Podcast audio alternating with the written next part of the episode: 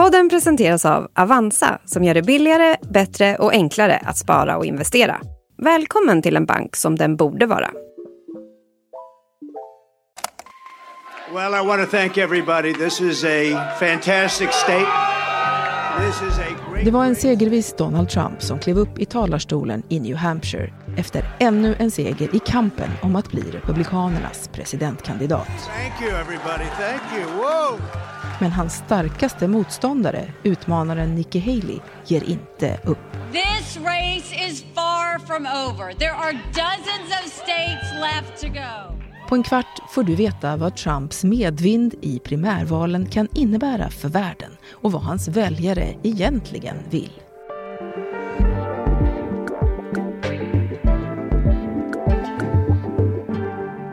Det är torsdag den 25 januari. Det här är Dagens Story från Svenska Dagbladet med mig, Erika Treijs.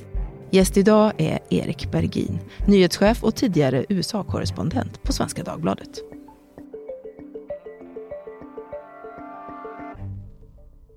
Men Erik, har du sovit något eller har du suttit uppe hela natten och kollat på TV? Jag, jag var uppe mellan halv två och tre ungefär. Så att inte, jag har inte varit uppe hela natten. Men jag jobbade där några timmar. Thank you very much. We love you. Thank you very much. We'll see you soon. Thank you, everybody. Du måste ju få berätta vad det var du såg, men för oss som har läst på här på morgonkvisten så verkar det vara Trump för hela slanten. We'll see you on the trail. Ja, han eh, tar ju hem det här primärvalet då New Hampshire. Det första riktiga primärvalet egentligen med ja, 54 procent av de republikanska väljarna och även en, en del oberoende väljare där som, som är konservativa som röstar där också. Och Nikki Haley kommer in som stark tvåa får man väl ändå säga. Och eh, det var väl lite grann ungefär som väntat. Mm. Men du säger stark tvåa, på vilket sätt? Jo, hon presterar lite bättre än hon gjorde i opinionsundersökningarna strax före primärvalet. Mm. Iowa var ju först ut och även om det var mycket Trump då också så röstade ju nästan hälften av väljarna i både Iowa och New Hampshire inte på honom. Vilka är hans främsta utmanare om att bli Republikanernas nästa kandidat? Ja, precis. Och nu- nu är det ju egentligen bara Nikki Haley kvar. Alldeles eh, före Iowa till och med så hoppade ju Chris Christie av som kanske var den tydligaste Trump-motståndaren i den här primärvalssäsongen. Också eh, Ron DeSantis, Floridas guvernör, hoppar också av efter Iowa och eh, kvar är nu egentligen bara Nikki Haley. Och det gör ju att det är en, framförallt en stor skillnad mot 2016 då det var många fler kandidater kvar som delade upp anti-Trump-väljarna mellan sig så att ingen av dem kunde konsolidera den väljargruppen och utgöra ett vettigt, vettig utmaning mot Trump. Mm. Och det, det är ju en skillnad mot för åtta år sedan.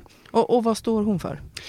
Ja, hon är ju också en väldigt konservativ. Hon har en bakgrund av i eh, den så kallade Tea Party-rörelsen. Eh, så hon, hon eh, har starka konservativa meriter får man väl säga. Kan förmodligen starkare än Trump själv. Sen har hon ju gått, hon kommer från South Carolina, en sydstat som har svängt åt höger får man väl säga under de senaste åren sedan Trump kom med i leken. Medan hon själv varit FN-ambassadör under Trump och hon har så att säga gått lite mer mot mitten och förlorat en del av den väljarbas hon hade tidigare tror jag man kan analysera det som. Och det gör ju att hon inte lockar de här riktiga Trump-supportrarna, eh, Make America Great Again-folket. I just believe that he truly, truly loves this country and that he wants the best for our country. I know he'll fix the border. He'll work on the economy. De är bortom, utom räckhåll för henne. Hon är också ung kvinna, spelar det roll? I delar av det republikanska partiet så gör det nog tyvärr det får man säga. Det, det finns en eh, författad mening tror jag mot kvinnliga politiker men hon ses ju helt klart som ett alternativ. Hon har ett st- stort stöd. Mm. Och inte minst bland mindre konservativa väljare som alltså mot, mer mot mitten. Där går hon bättre än vad Trump gör.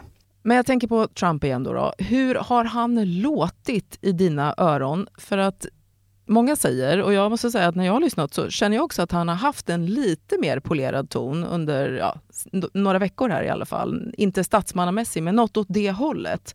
Men nu så har vi återigen hört honom när han snarast hånade Nikki Haley. Va, vad tänker du om det? Jag håller med och han, han har ett behov av att kunna locka mittenväljare. Annars går hans valmatematik inte ihop. Det går inte att vinna ett amerikanskt presidentval utan att söka sig mot mitten. Det är mm. matematiskt omöjligt. Och jag tror att det är det han och hans valkampanj har börjat inse, eller de har insett det ganska länge och det är det han försöker förmedla nu genom att i vissa tillfällen då låta lite mer statsmannamässig. Lite mer polerad som du uttryckte det. Mm. Men, men i natt klarar han väl inte riktigt av det där.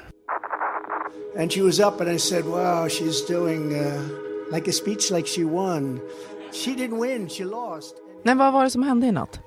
Jag tror att han är irriterad på att Haley går så pass starkt som hon ändå gör och han inser också problemet som det innebär att det bara är han och hon kvar. This is not your typical victory speech but let's not have somebody take a victory when she had a very bad night. She had a very bad night. Han hade nog nästan hoppats på att Ron DeSantis och kanske Chris Christie skulle ha hållit i lite längre. Men nu när det bara är de två så blir det väldigt tydligt vilka alternativen är och det gynnar inte honom. Nej.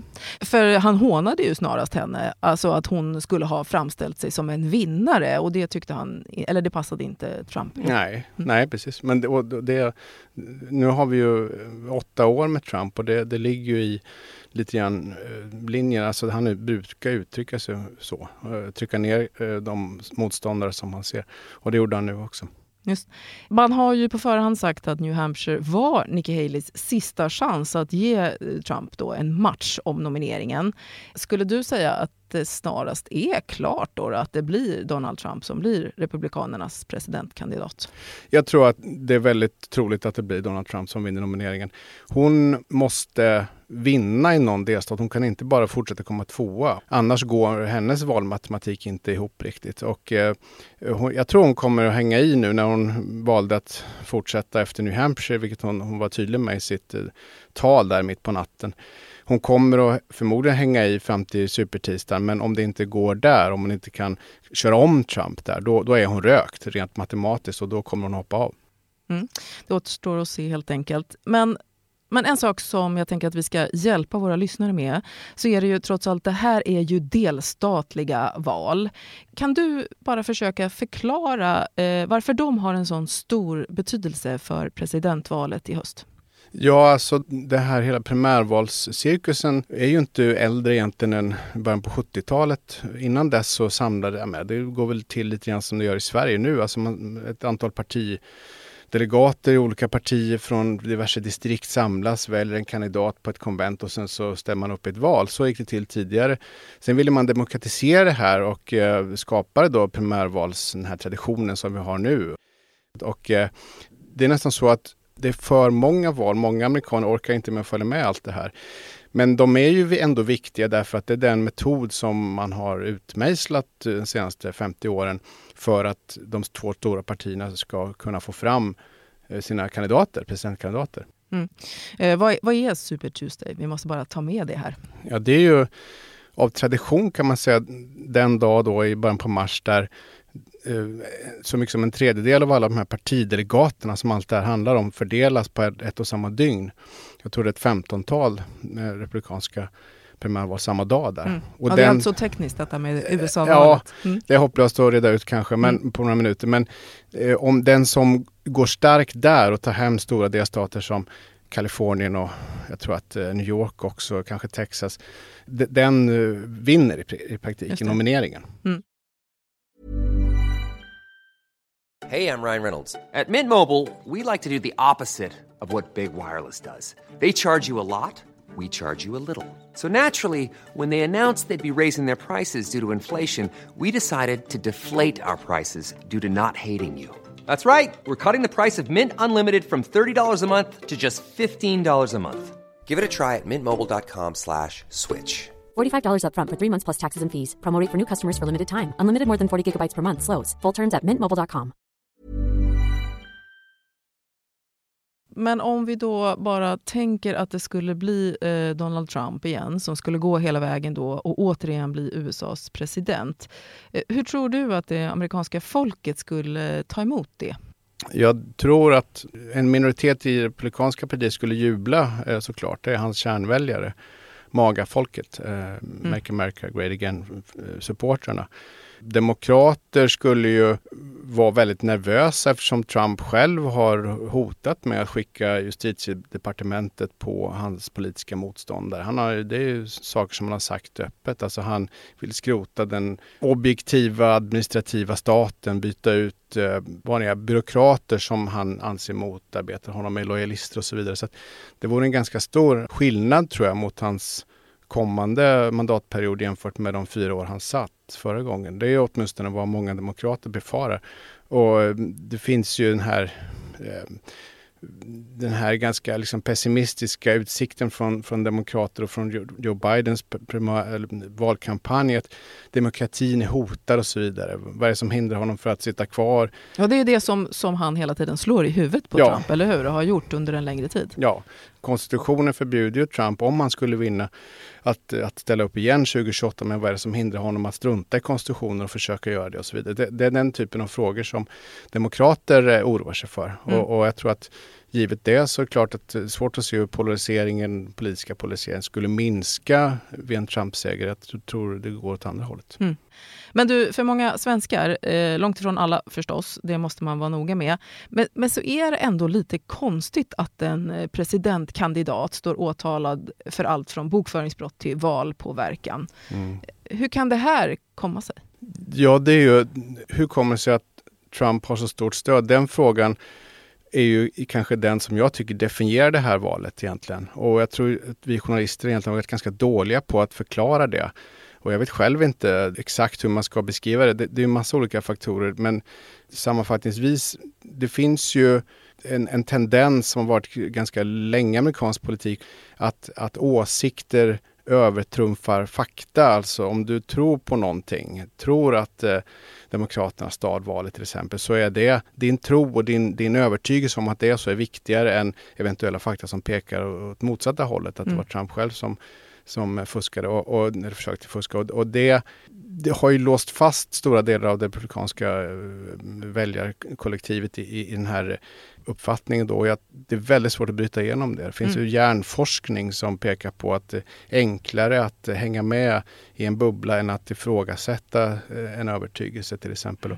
Mm. Däremot så finns det en hel del opinionsmätningar nu under, inte minst med, i samband med New Hampshire, men även tidigare som visar att även en hel del republikanska väljare, om han döms, kommer att eh, svänga lite grann och säga men då är han nog unfit for office. Alltså han, kan, han är inte lämplig som president.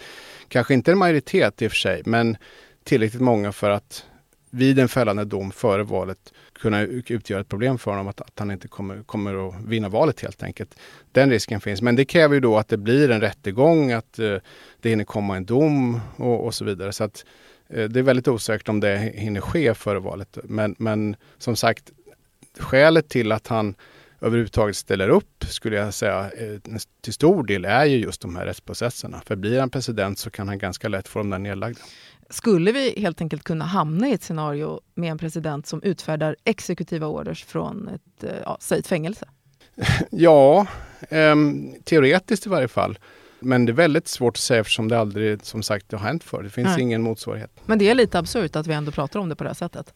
Väldigt absurt. Mm. Det är ju, jag pratade med en statsvetare eh, häromdagen eh, lite grann om det här att det finns risk för, det visar sig i opinionsundersökningar att särskilt Eh, väldigt konservativa väljare och, och, inom den kristna högern och, och väckelsekristna och sådär, är mer öppna nu för politiskt våld än de var tidigare. Och det finns ju den mm. aspekten också. Så han var, den statsvetarprofessorn i Iowa var väldigt oroad för just den aspekten av det hela också. Vi har redan haft en kongressstormning, kan vi få någonting ännu värre?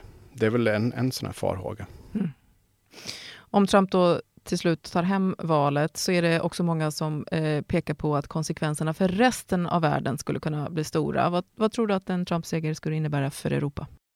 Ja, det närmaste eh, som dyker upp är ju Nato där han under de fyra åren han satt tidigare var väldigt skeptisk. Han med viss rätt får man väl säga ville att Europa skulle börja betala större del av, av sitt, eh, kostnaden för sitt försvar och så vidare. Han, han hotade med att eh, lämna NATO-samarbetet vid något tillfälle. Det kan han inte göra nu. Det finns en ny lag som förbjuder presidenten att, att eh, ensidigt lämna, dra ur USA ur NATO men han kan ändå sabotera NATO-samarbetet på många sätt. Och nu när Sverige eh, ja, vi har ju snart Ungern kvar bara som ska rösta in oss. Och, och, så den frågan är ju aktuell naturligtvis, inte minst mot bakgrund av kriget i Ukraina. Men om, om, om Trump skjuter NATO i sank och, och dessutom drar in stödet till Ukraina får ju det väldigt stor säkerhetspolitisk påverkan för Europa. Mm. Så det är en sån där, jag tror kanske den främsta farhågan skulle jag gissa om man pratar runt i europeiska huvudstäder. Just det. Men, men hur ser det ut på andra sidan bland Demokraterna? Är det självklart att det är Biden och han är ohotad, eller? Ja, om man, om man inte blir sjuk eller, eller något värre händer. Han är ju 81 år. Men jo, men det stämmer, han är ohotad, eh, vilket ju också är en del av traditionen. Man, man utmanar väldigt sällan en sittande president i sitt eget parti. Alltså det finns ju en kandidat nu, Dean Phillips, men han, han är chanslös, det vet alla från början. Dramatiken det här året med en sittande president som är uppe för omval ligger på ja, den republikanska sidan, alltså motståndarpartiets sida. Mm. Så, så är det. Och eh, 2028, om vi tänker oss att Biden vinner igen och orkar sitta fyra år, då kommer båda partierna har potential att, att få fram helt nya Då blir det en helt, annat, en helt annan dynamik med mm. dra, drama i båda partier, men så är det inte nu. Mm. Förstår. Så avslutningsvis då, vad skulle vara bäst för Sverige? Är det att USA får en president som heter Trump eller Biden? Ja, mot den bakgrunden, Nato och, och Ukraina, så är, är nog Biden bättre. Sen, sen har ju han behållit vissa Trump reformer. Eh, och det finns ju kritik mot att det här att investeringar i klimatteknik och sånt styrs till USA och bort från, från Europa. Så det är inte så att allting är bra med Biden heller, ska man ha klart för sig. Men av de här två valen så tror jag att de, många tycker att det är ganska tydligt vad som skulle gynna oss bäst. Erik, tack för att du kom hit och hjälpte oss eh, bringa reda i allt detta. Ja, ingen orsak. Tack själv. Tack.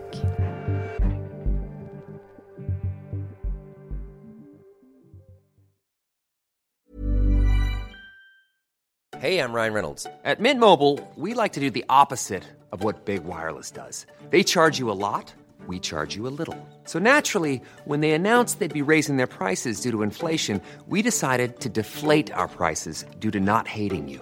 That's right. We're cutting the price of Mint Unlimited from $30 a month to just $15 a month. Give it a try at mintmobile.com slash switch. $45 upfront for three months plus taxes and fees. Promote for new customers for limited time. Unlimited more than 40 gigabytes per month. Slows. Full terms at mintmobile.com.